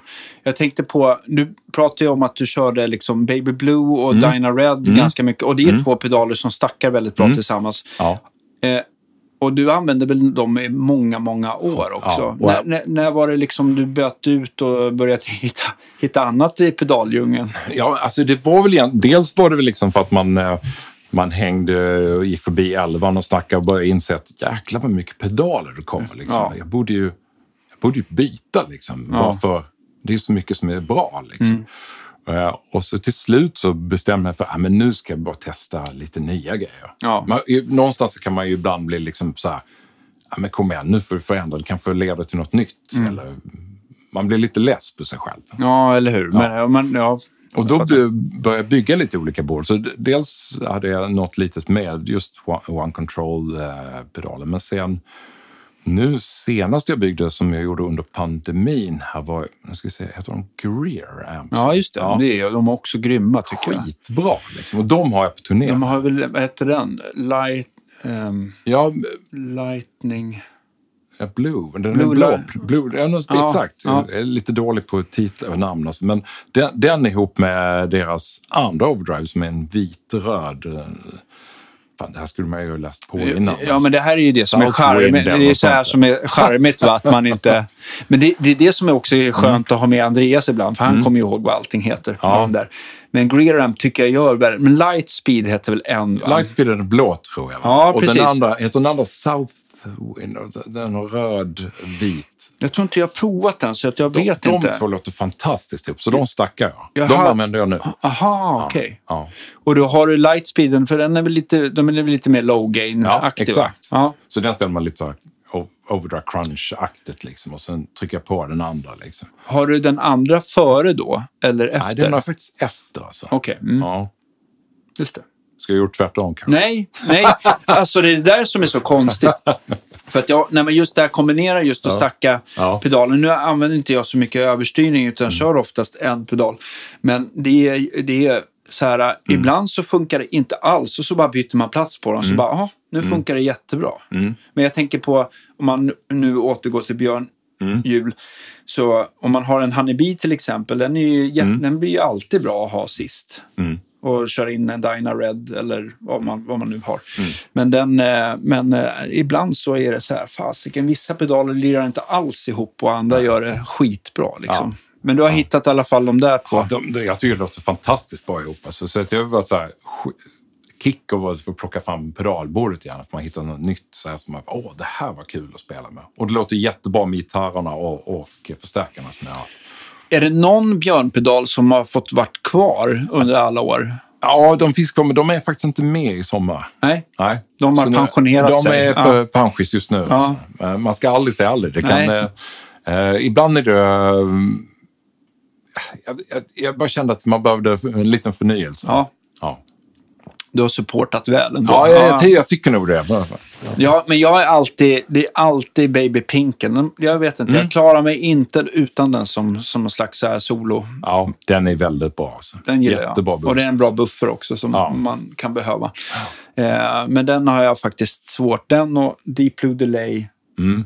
har alltid varit kvar på något sätt. Men nu har jag också faktiskt eh, för första gången på många år inte använt någon Björn Overdrive. Nej, Utan det blev den här Catalin Bread. just som det. jag sprang på av en slump. Men den var också väldigt trevligt. Men det där är ju, jag vet ju hur jag själv blir. Jag kom på att Ja, jag där hade en bild på bilder. som jag har nu. Det här är ju, den heter alltså Southland. Precis. Den har jag faktiskt inte eh, provat alls. Jag, jag hade en pedal som heter Tone Smuggler. Ja. Och sen så är det här som står Velvet på. Det är en, en Wampler-pedal. Och Ja, den precis. verkar det är vara en en fass. fass. Ja, just det. Den låter toppen också. Och så en Ego-kompressor. Ja, Wampler också. Ja. Och sen så är det en pedal med en kran på. Det måste ju vara jam pedals, Ja, det va? är jam där. Precis. Och den, vad gör den då? Vi ska se. Det där är eh, koruset. Vad- eh, Koruset? Det är ja. koruset. Ja. Och sen är det andra eh, vibrato tremolo. Ja. Också jam pedals. Okej, är det att man växlar mellan vibrato så har de varsin djup och speed då? Precis, eller? precis. Ja. Och sen så, ja nu råkar jag... Eh, Och sen har vi se. Dodd analoga. Den där delay. är ju väldigt trevlig, den här Ja. Rubberneck. Ja. Ja, den är skitbra. ja. Och det är som en dubbelpedal. Det är att man kan köra tap-tempo på den. Precis, precis. Och sen så, där kör du en, en, den klassiken Boost Line Driver från Custom eh, Audio Electronics. Det är väl också MXR som Mm. Precis, ligger bakom. precis. Och sen så en liten Polytune. Ja. Bra, Bär. Inte allt för krångligt och massa loopar och midi-styrning. Och, Nej, det är eh, ganska enkelt, men eh, jag är skitnöjd med det. Jag tycker det låter jättebra det här bordet. Ja, jag har ju ännu enklare. Så Ja. det blir, ja. Ja, ja, visst. Jag, jag, gillar, jag gillar enkelheten på pedalbord. Ja. Det är nog för att jag inte orkar sätta mig in i kanske de här switchningsmöjligheterna riktigt heller och inte kanske behöver ändå. Men ja, jag tycker det där var väldigt sparsmakat. Nej, Hur använder du kompressorn? För det är väl nästan där gitarren går in, eller? Ja, precis. Jag använder inte den så mycket kan jag säga. Så den, ibland och kan jag ställa den lite mer som en eh, booster, så att säga. Så att det är inte När man börjar bli trött på slutet Ja. av giget. Ja, dåligt anslag. Som man... Nej, men jag kan också tycka, jag kan, jag kan också tycka så här om man håller eh, med jag tänker du som ändå växlar mellan eh, Strata och 335 eller någonting där det skiljer ganska mycket i output. Och, Precis. Då kan det ju vara skönt att ha något, någon tidig booster eller kompressor för att bara liksom putta upp det i rätt nivå så att inte man behöver gå, ställa sig ner och börja skruva liksom mellan gitarrbytena. Lite så är det tänkt. Och det kan vara liksom om man mitt i det, om man har haft ljud som är mycket överstyrda länge, Mm. så, så ska man helt plötsligt få fram en linje som är med ett cleant ljud. Då kan det funka jättebra att ha, knuffa in den som en liten booster innan. Ja, så kommer det, det, det. fram. Alltså. Eh, Så, på så sätt använder jag den mer. Så jag ställer den inte så hårt komprimerad, utan snarare liksom att man har en hög volym på den så att det blir som en boosterinställning. Okej, och, och sen så när det kom, för det var två overdrives, alltså Mm. hur skiljer sig Southland mot, mot eh, Den ena, Lightspeed? den ena överstyr mer än den andra skulle man kunna säga. Ah, Den ena har mer överstyrning och mer diskant, upplever jag. Men Okej. de funkar jättebra ihop. Alltså. Vilken har mer överstyrning av dem? Eh, Den vänstra där som var den, satt, den vita? Ja, mm, ja. okej. Ja, det- Nej, den måste man prova. Ja, de de, låter- är faktiskt väldigt duktiga, Greer Amp. Ja, Ja, de ja. har ju någon annan som heter Ghetto Stomp som ska vara så här lite pruttig. Jag, ja, jag gillar ju prutt, Mm. Overdrive som pruttar lite grann som sagt. Men... ehm, eh, och sen så var det Chorus. Jampedals var också väldigt duktiga där. Jag har alltid gillat deras tremolo. Mm. Och det var ett, men nu hade du en kombopedal. Ja, det kom ju någon sån här tremolo, eh, heter vibrato ihop. Liksom. Mm. För, förut, jag tror, om jag minns rätt, så hade jag tremolot som själv förut. Så, så dök den här upp, så då köpte jag den istället. Alltså. Just det, just det. Eh, och sen så eh, in i rubbernecken som du kör. Hur ställer du är, är det? Har du mycket olika typer av delay som du Jag måste brukar- använda? Eller? Nej, jag brukar tappa i så fall i tempo där, liksom, om det är något specifikt man vill spela till. Men jag brukar inte ha jättelång längd på det. eh, Och, eh, alltså, så här, eh, blir det mer någon- som ett slapback? Ja, slap alltså, brukar stå, ja. Mm. om man har till solonivå eller något sånt. Eh, eh, och är det mer ljudlandskap, då har jag lite längre. Okej. så att säga. Har du, eh, använder du reverben i stärken någonting eller Ja. går det mer torrt? Jag kör lite på reverben i stärken. Alltså. Inte mycket, men jag har en liten nyans av det där. Men ni har väl aldrig kört in-ear? Det är alltid wedgar framme, eller? Ja. Ja. Old school. ja. Ja. Det är dels så kommuniceras det mycket på scen också. Eh, Okej. Och Ulf kan byta låtlista och sådär i, under tiden. Liksom. Ja, han så går att, på feeling, sådär. Ja, Det- kan vi spela den här ja. istället. Så att, och in ear, det låser ju, då, då, då tappar du den kommunikationen. Okej. Har du- annars måste du plugga ut det hela tiden så man hör vad som sägs. Ja, För jag antar att du har kört en hel del med in-ear i andra sammanhang testat, också. jag har testat Men- det, absolut. Ja, Jag, jag, personligen så föredrar jag faktiskt att spela med wedge. Jag ja, tycker, såklart. Ja. ja. De, de som säger tvärtom, de, de, de ljuger ju. Nej, jag tycker det är superjobbigt att få gitarrljudet rakt in i örat. Ja. Mm. Alltså, eller allt annat, faktiskt. Ehm, ja, jag föredrar wedgen alltså. Verkligen. Ja. Och, och sen så ut till två stycken Deluxe Reverb Mm. Reissues. Och jag vet att du har växlat, men det har alltid liksom räckt till rent volymmässigt. Och uh, de har Mm. Absolut. hållit bra. Du Ja. åker in med dem till Kalle Norman en Ja. gång om året. Får de ny, nya rör och... Precis. Hålla igång dem, se till som är i bra skick och sådär. Så det har funkat jättebra. Alltså. Ja. Och sen dels också för att volymerna är lite lägre idag på scen jämfört med när jag kom med i Lundellbandet. Då Ja. var det betydligt högre volym. Och då hade jag en Marshall Blues Breaker med ihop med en Eh, om man tittar på, på Bark, vad, vad brukar han använda för någonting? Eh, Förstärkarmässigt? Ja. Ja. ja, han har en gammal Vox ihop med en Deluxe Reverb också. Så Okej, okej. En, en Reissue Deluxe Reverb. det skulle ju vara jätteroligt att ha honom som gäst någon gång, Ja. så jag ska inte, behöver inte avslöja så mycket. Men, men eh, har han någon så här gitarr, eh, byter han lika frekvent som dig? Eller, Mm. eller ja, vad, vad är det för gitarrer som brukar hängas det på? kan vara liksom, eh, nu nyligen har han köpt en eh, Jaguar gammal som, som han spelar jättemycket på. Alltså. Mm. 60-talet. Just Eh, Men han har starter och diverse grejer. Ja. Jag tänker jag säger inte så mycket, det är bättre Nej, ja, precis. du Ja, kan vi få måste- vi måste- kontakta ja, Janne, tack, tack. tycker jag. Eh, däremot så kanske inte Ulf är lika eh, villig att ställa upp som eh, gitarrnörds. Eh, men, Nej. men, vi, men, men han tänker man att det är en Telecaster-människa. Telecasterna är med, absolut. Det- Växlar han till någonting annat under giget? Eh, nej, det är Telecasters och akustiska gitarrer i sommar. Okej, okej. Och han pluggar in, är det rakt in i stärken eller det är han, finns är han en lika liten, pedalnördig som ni, eh, ni andra i Det bandet? finns en liten overdrive-pedal däremellan äh, stärken och Okej. Ja, en liten. Mm. Och någon favoritstärk där?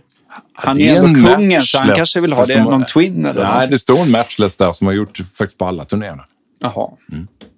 Just det. Ja. Mm. Matchless är ju bra, så att Ja. jag... Gammal matchless. Alltså. Ja, jag tror han haft den jättelänge.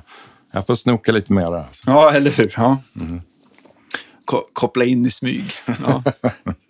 Byta stärkare under gig. Gör ni mycket practical jokes? Det Mm. Nej, det är väldigt lugnt nu. Practical jokes. Ja, det låter bra.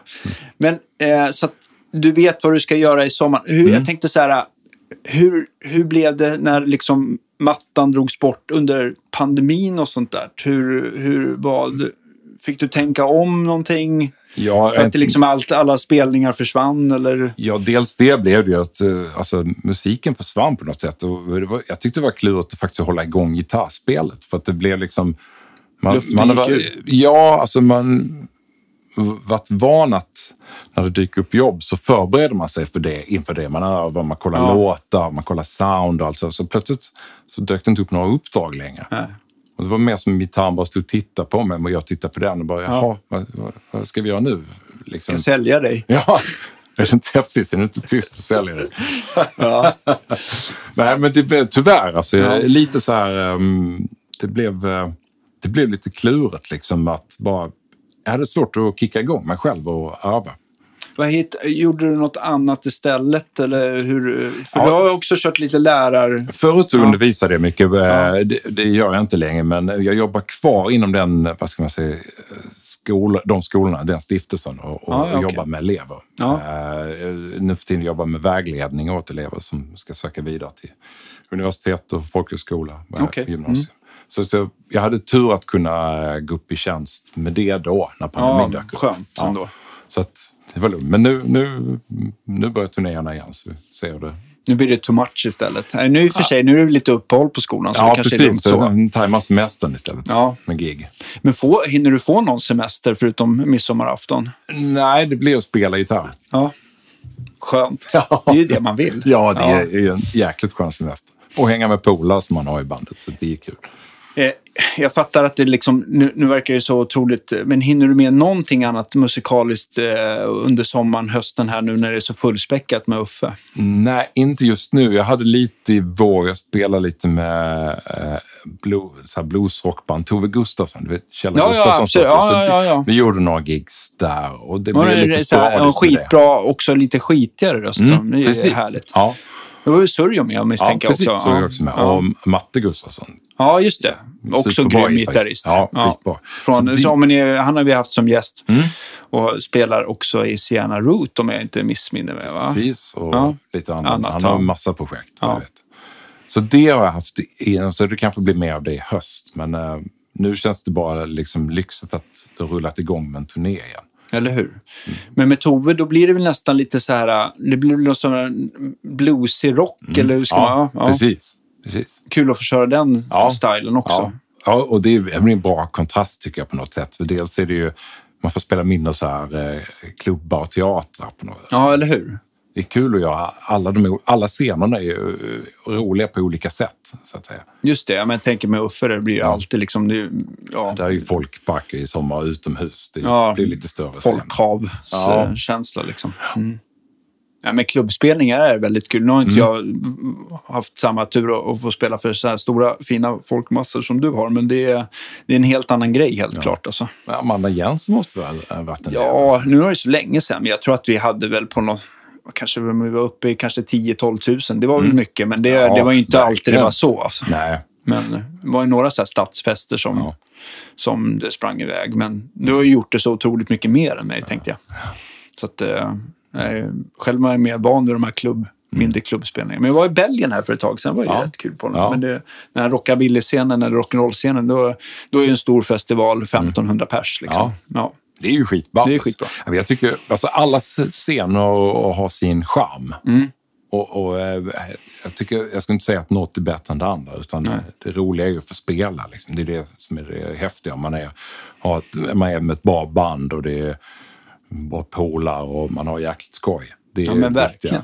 Ja. Eh, eh, Jag tänkte på också så här innan man rundar av också. Mm. Hur är det? Är, är det någonting som du är så här på jakt som du vill efterlysa här i podden som, som du känner att... eh, Prylar? ja, Alltså det är ju den här handbacke Paulen som, som ligger i tankarna som jag jagar. någon färg speciellt? Nej, egentligen inte. Jag tycker alltså en goldtop med handbacke kan vara skitsnygg. Eh, men även såklart eh, burst-liknande. Liksom. Ingen, ingen svart Les Paul Custom i alla fall? Nej, ingen custom. Nej. Utan det är standarden där som... Som det ska vara. Ja, ja. Har du... Eh, ska det gärna vara någon 70... Eh, alltså någon gammal? Eller, Nej, eller kan alltså, du tänka dig någon custom shop också? ja custom shop har jag- håller jag känt på några stycken faktiskt. Och har varit nära några gånger att jag har klippt, slagit till och köpt en. Alltså. Torell är ju väldigt duktig på det där. Mattias är väldigt duktig. Han, Ja. eh, han köpte en eh, ganska nyligen, vet du, som är jättebra. Ja, Mm. just det. Så det är nog det jag ska ge mig i, i jakt med här ännu mer. Ja, det känns ju som att du är så otroligt stabil annars på förstärkarsidan och pedalsidan. Att det mm. känns som att det är lite färdigletat för stunden i alla ja, fall. Ja, möjligtvis att jag köper en Olsson-amp. För jag fick låna av Andreas Rydman i samband med ett rep och gig med just Tove Gustafsson där. Och ah. de lät så jäkla bra. Det var en av hans starka som jag fick testa. Okej. Okay. Ja. Kom du ihåg vilken färg det var på den? Ja, den var någon special eh, så här, liksom western-look på den på något sätt. Ja, just det. Så, här, ja. Svart western. Ja. Men jag undrar om inte det var, då måste det nästan ha varit den som är bara lite voxig sådär. Ja, det kan det ha varit. Ja. ja. Custom Reverb 18 ja. tror jag det var. Okay. Den, de är ju väldigt roliga att spela på de där. Skitkul. Ja. Alltså, jättebra. Ja. Asskoj att spela på. Så det, någon sån stärkare får jag ja. jaga loss här. Nu när jag sitter mitt i havet av Ja, precis. Han, eh, det, det blir det väldigt mycket testa och sånt där. Nu har jag ingen sån Custom Reverb 18 som går att prova, men det finns ju lite andra modeller sådär som, ja. eh, som du får rocka med såklart. Jag får komma hit med ja. pedalbordet och gitarr. Och ja, men man har ju provrum här. Ja. Jag, jag har byggt ett rum i rummet här så att man kan ju dra på utan att grannarna kommer mm. ner och, mm. och ja. kastar tomater. Ja, ja. ja men det, ska, det, ska, det blir nästa vända. Alltså. Eh, vi brukar också avsluta med en fråga. Att, mm. att det här, vilken är den sista gitarrsaken du säljer? Vilken kommer, är, det, är det din 62-strata eller, eller blir det någon Alltså det, står, nej, det står ju mellan 62-starten och Les Paul Deluxen, 72 De två har jag haft längst. Alltså framförallt Les Paulen. Mm. Och de är med på alla turnéer och alla inspelningar. Ja. Kan man få behålla två? Absolut. det går bra. Ja, är det någon tack. gitarr som sitter lite löst nu då som du vill Nej, det vill jag inte påstå faktiskt. Som har alltså, blänkt lite konstigt ja, på det nej, under jag, pandemin. Jag faktiskt, eh, det såg värre ut förut. Då, då var det grejer som, man, som stod som man inte använde. Så det har jag sålt av. Så, nej, nu känns det bra alltså, måste jag säga. Jag är glad att höra det. För jag, jag man går ju så här lite i skov som mm, gitarrist mm. och, och tradar och byter och köper mm. mycket. Mm. Men eh, jag, jag, jag, vet att du var mer sökande förut, att det ja. var mycket mer som kom och gick. Jag köpte ja. någon gitarr av dig. Den var Precis. för sig väldigt bra. Det var en ja. adlib-hals på mm. någon American Vintage-klock. Precis. Va? Precis. Ja, men det var då i samband med jakten på starta-perioden. Liksom. Då var det starter som åkte ut in alltså, faktiskt. Mm. Och sen dök den här upp och sen, sen bara lugnade det sig. Ja.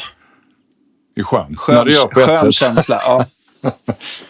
ja, men du har ju facit när det kommer till en Rosewood-strata tycker jag. Det blir ju inte... Det är ju svårt att... Ju... Nej, den är väldigt bra. Ja. är den, alltså. Vad är den Riffin... Vad är den lackad i? Eh, Sonic Blue. Och det är Hasse på Adlib mm. som har gjort. Och sen så har den gulnat och krackelerat lite ja. lätt. Ja. Ja, det är ju en av favoritfärgerna. Ja, den är väldigt vacker. Den är otroligt bra på lacka. Alltså. Men, är, men är, är, den, är den relativt ljus i nyansen som många Sonic kan vara? Eller är den mer, Nej, nästan åt Daphne? nästan mer åt Daphne ska jag nog mm. säga alltså, faktiskt. Men, men, inte, inte mörkblå heller på det. Så jag, kanske någonstans mitt emellan. Men jag har sett betydligt ljusare Sonic, så att jag skulle inte säga jätteljus på det. Så att någonstans mitt emellan dem. Alltså. Just det, just det. Och sen så när det gäller pedaler där, där är det ju liksom så här, det beror ju på lite grann mm. om du råkar gå förbi elvan eller inte. Det kan ju vara, det kan ju vara livsfarligt. Ja, det är ja. ju det, alltså, så mm. att man får passa sig. Ja, man får passa sig. Man mm. får ta andra vägar till kaféet eller något, om man nu ska. Mm. Ja, men det, pedalbordet är, det är hyfsat nytt, så där tror jag nog jag kan vara lite lugn ett tag. Alltså. Eh, I och med att jag satt ihop det som jag använder nu under pandemin. Liksom. Just det. Ja. Men det är ju sådär, var det inte den känslan också nu när du började, eller proddrepa eller kom live, att mm. det kände, kändes det annorlunda mot vad du använde innan på ett positivt eller, ja. eller tar det alltid några gig innan man spelar in sig på de nya grejerna, innan man hittar jag, rätt? Sådär. Jag skulle nog säga att det var positivt direkt. Bara så alltså, fasingen vad kul det här var att spela med. Liksom. För det kan ju vara skitläskigt mm. när man ställer mm. sig i mm. sammanhang med någon ny overdrive som man tycker låter helt fantastisk. Mm. Sen, eller en förstärkare eller gitarr, att det bara, mm. var det så här det svarade? För det brukar alltid kännas helt annorlunda ja, men precis. i sammanhanget. Jag hade använt det här bordet innan på inspelningar dock, mm. Eh, under den här tiden. Så att jag hade hyfsat koll på liksom, ah, okay. hur, hur det kändes och sådär. Men det blev ändå över förväntan positivt. Faktiskt. Vad var det du tyckte blev bättre mot det förra? Blev det att du tyckte att du fick ännu, alltså, blev ännu tydligare vad ja, som... Ja, jag tyckte det blev ännu tydligare och liksom ännu skönare sound att spela med. Ja. Av någon anledning. Eller så är det kanske passar eh, var man är idag, liksom eh, sound och eh, ideal. Hur är alltså, letar du efter något speciellt när du, liksom, när du provar någon ny? För jag tycker overdrives ja. är oftast det som är känsligast. Sådär. Och det mm. gäller ju att hitta det. Jag tänkte på också på Deluxe Reverb mm. som mm. har sin mm de låter ju helt annorlunda mot eh, en Vox eller Marshall Precis. eller vad man nu är. Så man måste ju nästan också försöka matcha det bra mot vad man ska ja. koppla in det i. Sådär. Jo, men det finns väl vissa vad ska man säga, klangregister som man letar efter. Det tror jag alla gör, att man har liksom någon slags ideal. Ju mer man testar runt så hittar man här, här, här ligger min liksom, mitt område, min sfär av sound som jag letar efter.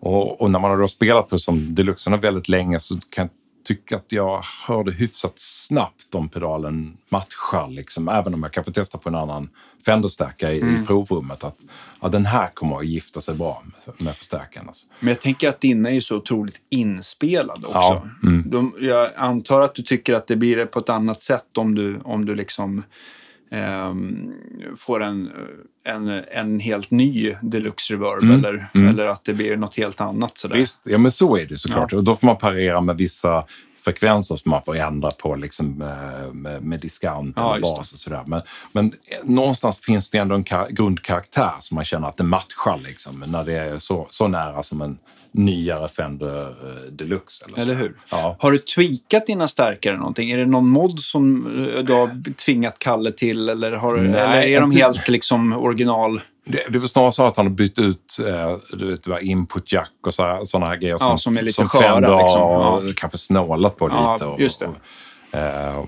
och, och, alltså den typen av grejer. Okay. Ja. Men det är inte att Ingen eh, mod, han nej, har någon Kalle-mod som han alltid gör. Inte, inte som jag känner till. Nej, okay. Han är ju lite, lur, han är lite lurig. Ja. Nej, han är världens snällaste Kalle. Ja. Eh, så eh, jag måste åka och hälsa på honom, kommer jag på. Ja, gör det. Han gör, jag jobbar i tisdagar och torsdagar, ja, tror jag. Han, han hänger där lite då och då. Ja. Alltså. ja. Man får ringa och boka tid med honom annars. Alltså. Eller hur? Ja.